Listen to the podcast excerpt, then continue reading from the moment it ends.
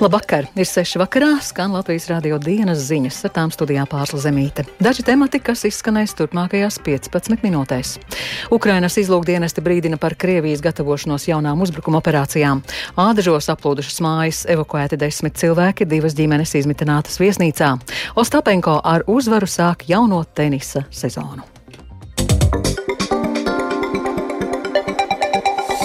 Neraugoties uz milzīgajiem dzīvā spēka zaudējumiem un neveiksmēm frontē, Krievija negrasās izbeigt pašas uzsākto karu Ukrainā. Gluži pretēji, Kremlis plāno jaunas uzbrukuma operācijas. To šodien paziņoja Ukrainas militārais izlūkdienests.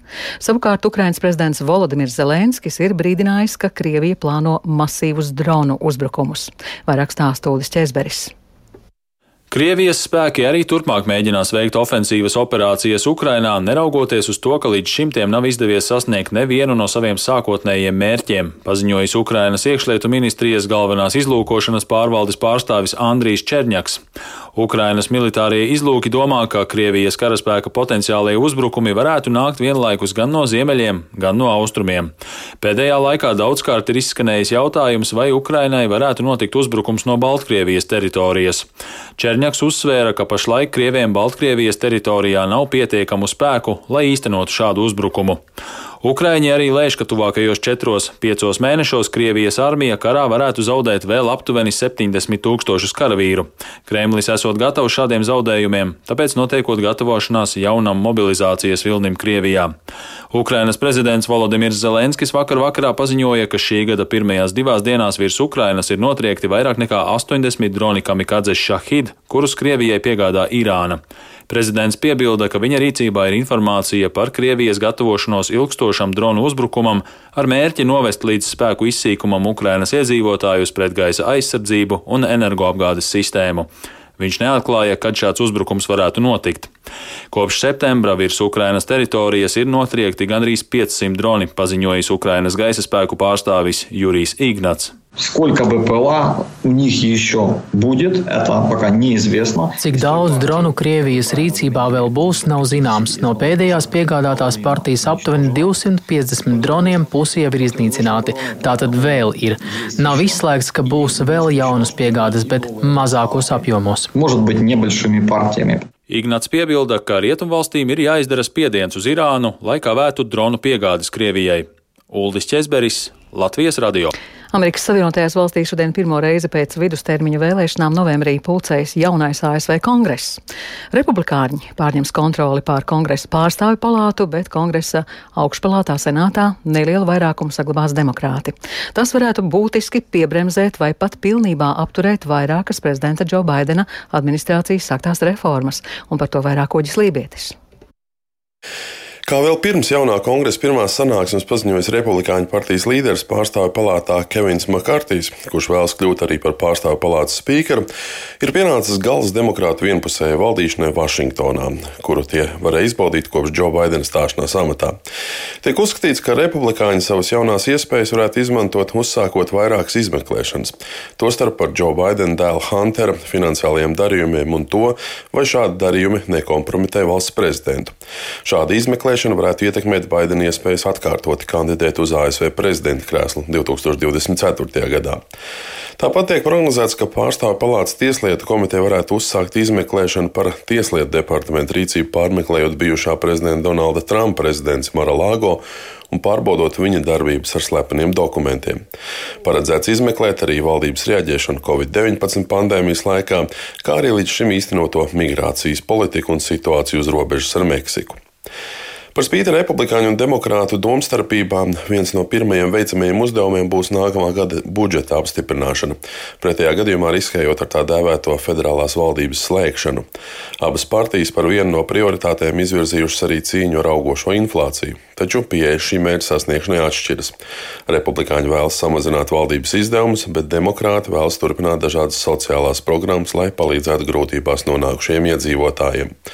Abām partijām būs svarīgi strādāt pie tā, lai izvairītos arī no potenciāli katastrofāla parāda defaulta, jeb nespējas atmaksāt savus parāda saistības.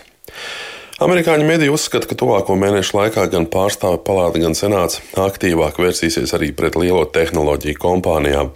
Republikāņiem prasot lielāku atbildību par viņu partijas biedru un konservatīvu ideju atbalstītāju cenzēšanu, savukārt demokrātiem iestājoties praida runas apkarošanu, cīņu ar baltiem nacionālistiem vai saikņu meklēšanu starp sociālajiem tīkliem un garīgās veselības pasliktināšanos. Par spīti abu partiju domstarpībām ir sagaidāms, ka gan demokrāti, gan republikāņi arī turpmāk atbalstīs militārās un finansiālās palīdzības piešķiršanu Ukrainai. Republikāņu rindās gan izskanējuši aicinājumi palīdzības apjomus samazināt, vai arī pastiprināt piešķirto līdzekļu izlietošanas uzraudzību. Uģis Lībijams, Latvijas radio. Kādas izmaiņas gaidāmas ASV politikā ar jauno kongresu? To jautājām ģeopolitisko pētījumu centra direktoram Mārim Anģānam nebūs republikāņiem tik liels iespējas kontrolēt darba kārtību, kā bija iecerēts. Bet neskatoties uz to, Baidena administrācijas iespējas virzīt cauri savas iniciatīvas būs daudz grūtākas. Potenciālais vairākuma līderis pārstāvju palātā Makārtīs jau iepriekš norādījis, Republikāņu partija pieies skrupulozāk palīdzības sniegšanai Ukrainai. Kā zinām, Republikāņu partijā, kura pēdējā laikā ir kļuvusi par Trumpa partiju, Ukraina asociējas ar Baidena dēla Hunteru darbībām, kuras arī Republikāņi noteikti mēģinās izmeklēt. Ukrainai varētu būt nedaudz grūtāk panākt atbalstu militārajai palīdzībai. Tā ģeopolitisko pētījumu centra direktors Mārs Anģāns. Eiropas Savienības valstis mēģina rast kopīgu pieeju ieceļotāju pārbaudēm no Ķīnas.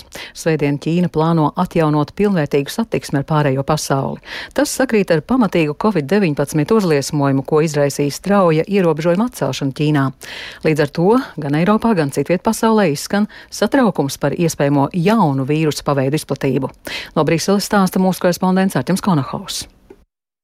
Eiropā šobrīd valda atšķirīga pieeja pret ceļotājiem no Ķīnas. Tā Itālija un Francija prasa uzrādīt negatīvus Covid-19 testus. Savukārt Beļģijas varas iestādes ir paziņojušas, ka pārbaudīs no Ķīnas atlidojušo lidmašīnu kanalizācijas ūdeni, lai saprastu, vai nav radies kāds jauns koronavīrusa paveids. Tiek uzskatīts, ka Ķīna visticamāk slēp patiesos saslimšanas datus savā valstī un laicīgi nebūs gatava atzīt arī jaunā vīrusa paveida rašanos. Trešdien Briselē notiks Eiropas Savienības valstu ekspertu sēde, lai mēģinātu rast kopīgu atbildi.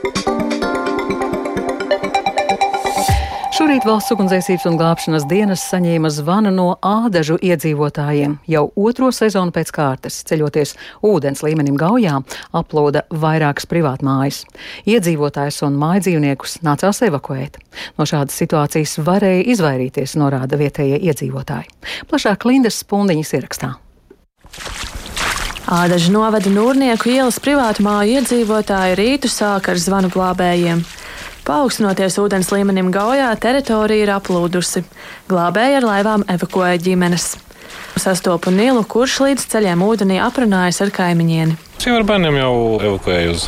Par tiem postījumiem, kā jums izskatās, cik tie ir pamatīgi jūsu īpašumā? Nu, apkuras katls, visa teritorija aplūdus. Nu, tālāk jāskatās. Nu, automašīnas kaut kādas sētā varētu būt pietiekami liels. Mēs īstenībā neko nevaram šobrīd iesākt darīt, kamēr tas ūdens līmenis nekrītās. Teritorija aplūst jau otro sezonu pēc kārtas, saka Daiga Goba. Viņas garāža un pagalms ir ūdenī. Es būtu gulējusi ļoti ilgi, jo man šodien ir brīva nedēļa. Bet man kaimiņiem atsūtīja uz WhatsApp uh, bildi. Man personīgi ir, ir garaža pilna ar ūdeni. Šuriem atslēgts ir uh, apkurs kotls, bet istabās ūdens vēl nav iekļuvis. Tad vēl ir arī tāds aspekts, kas arī jāņem vērā ka mums tās mājas pa lielam visiem ir apdrošināts, bet apdrošināšana šādus postījumus sedz tad, ja piecu gadu laikā šajā teritorijā nav bijuši plūdi. Un tā kā mums pagājušajā gadā šeit viņi bija, Tas tas visdrīzāk mums šogad varētu, es nesaku, ka tā tas būs, ja, bet iespējams, ka mums pat arī šos postījumus apdrošināšana neseks. Pēc pagājušās sezonas plūdiem iedzīvotāji vērsās pašvaldībā lūdzot rast risinājumu. Daiga stāsta, ka pašvaldība nāca pretī, bija vienošanās, ka pacels ceļa segumu, tādējādi veidojot nelielu aizsargu barjeru gaujai aplūstot. Taču tas situāciju būtiski nav uzlabojis. No plūdiem varēja izvairīties, saka Daiga. Šeit šī vietā tieši arī bija jau izstrādāts dambja plāns. Bet tā kā šeit zeme, kas ir gaujas tūmā, ir ar vairākiem īpašniekiem, nevarēja saskaņot šīs būves izbūvi ar šiem īpašniekiem, kuri daļa dzīvo Latvijā, daļa nē. Es uzskatu, ka tā ir domas nolaidība. Linda Spundiņa, Latvijas radio. Rīgā ieviesta tā sauktā turisma nodeva. Tas nozīmē, ka visām turistu mītnēm par viesu izmitināšanu jāmaksā viens eiro par katra ciemiņa nakšņošanas dienu. Ja viesis uzturs ilgāk, šī summa gan nepārsniedz 10 eiro. Lai gan viesnīcas vēl apgūst jauno sistēmu, tomēr visas atzīst, ka turisma nodeva ir nepieciešama. Un kā veicas ar jaunās nodevas iekasēšanu, devās skaidrotāk Nīlas Diņa. Apmeklējot vairākas Rīgas viesnīcas, var novērot, ka tās veiksmīgi šodien ir uzsākušas savu darbu un raiti apkalpo turistus jau savos darba pienākumos, iekļaujot turisma nodevas ievākšanu. Uzrunājot viesnīcu personāla daļas cilvēkus, visi atzīst, ka turisma nodeva ir ļoti labs un vajadzīgs rīks, un lai gan viņi vēl apgūst, kad un kā pareizi nodeva ir jāievāc, tomēr process norit raiti. Kā stāsta Rīga Islanda hotela vadītājs Andris Kalniņš, viesnīcas personālam tas ir papildus sloks un paies laiks, līdz pieradīs pie nodevas sistēmas. Teiksim, personīgi es biju par to, ka šāda turisma nodeva vispār ir vajadzīga mūsu pilsētā, jo tā, tā nauda tiks novirzīta turisma infrastruktūras teiksim, uzlabošanai, attīstīšanai Tā kā diezgan pozitīvi, diemžēl vienīgais tas, ka diezgan haotiski sanāk, jo ir ļoti liels neskaidrības, teiksim, kam tās piemērojās, kam nepiemērojās, bet tā pa lielam neredzu nekādu problēmu tajā visā pasākumā. Arī Latvijas radio uzrunātie turisti atbalsta nodevas ieviešanu, jo tāda ir daudzās valstīs. Tostarp summa ir ļoti niecīga. Well, it, yeah. Es neesmu pret to. Jā, ja šo naudu izmanto, lai uzturētu valsti un tās turismu, tad es varu to saprast. Sure, so. yeah. Turklāt Covid-19 pandēmija finansiāli ļoti iegrieza.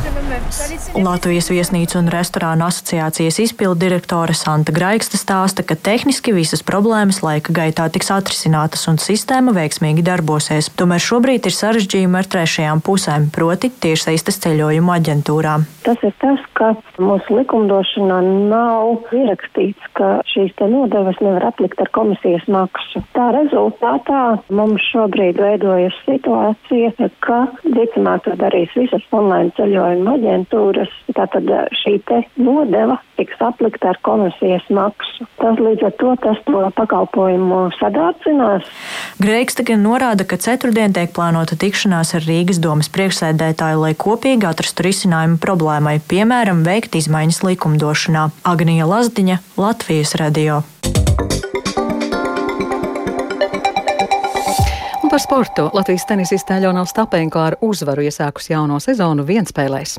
Savā pirmajā spēlē sieviešu tenisa asociācijas tūrē Adelaidā, Austrālijā, Ostapenko ar 6-1, 6-3 uzvarēja Čehijas tenisisti Karolīnu Plīškovu.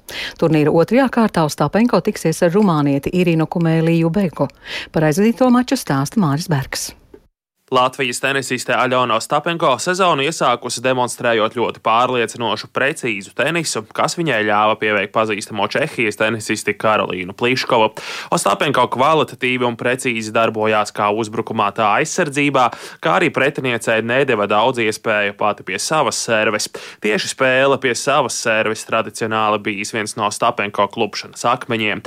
Ostapenko rīt paredzēta sezonas pirmā dubultspēle kopā ar savu ierasto pārinieci Ukraiņu. Ukrainas tenisisti Ludmilu Kičēnoku.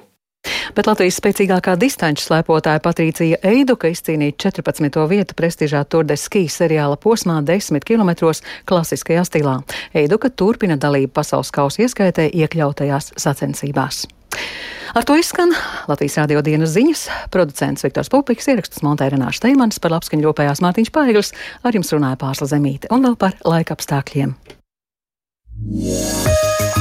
Latvijas vidus geoloģijas un meteoroloģijas centrs informē Rīgā 3 grādi, ziemeļrietumu vējš 6 m2, gaisa spiediens 764 mm, gaisa relatīvais mitrums 91%.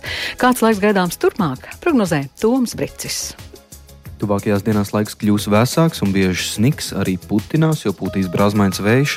Temperatūra turpinās lēni pazemināties un līdz ceturtdienai lielākoties būs 0,5 grādu robežās mazliet siltāks piekrastē. Un līdz ceturtdienas vakaram arī visā Latvijā no jauna izveidosies sniega kārta. Biezāka, ap 10 cm tā būs kurzemes dienvidu un centrālajā daļā, bet mazāk snigs ziemeļvidzemē.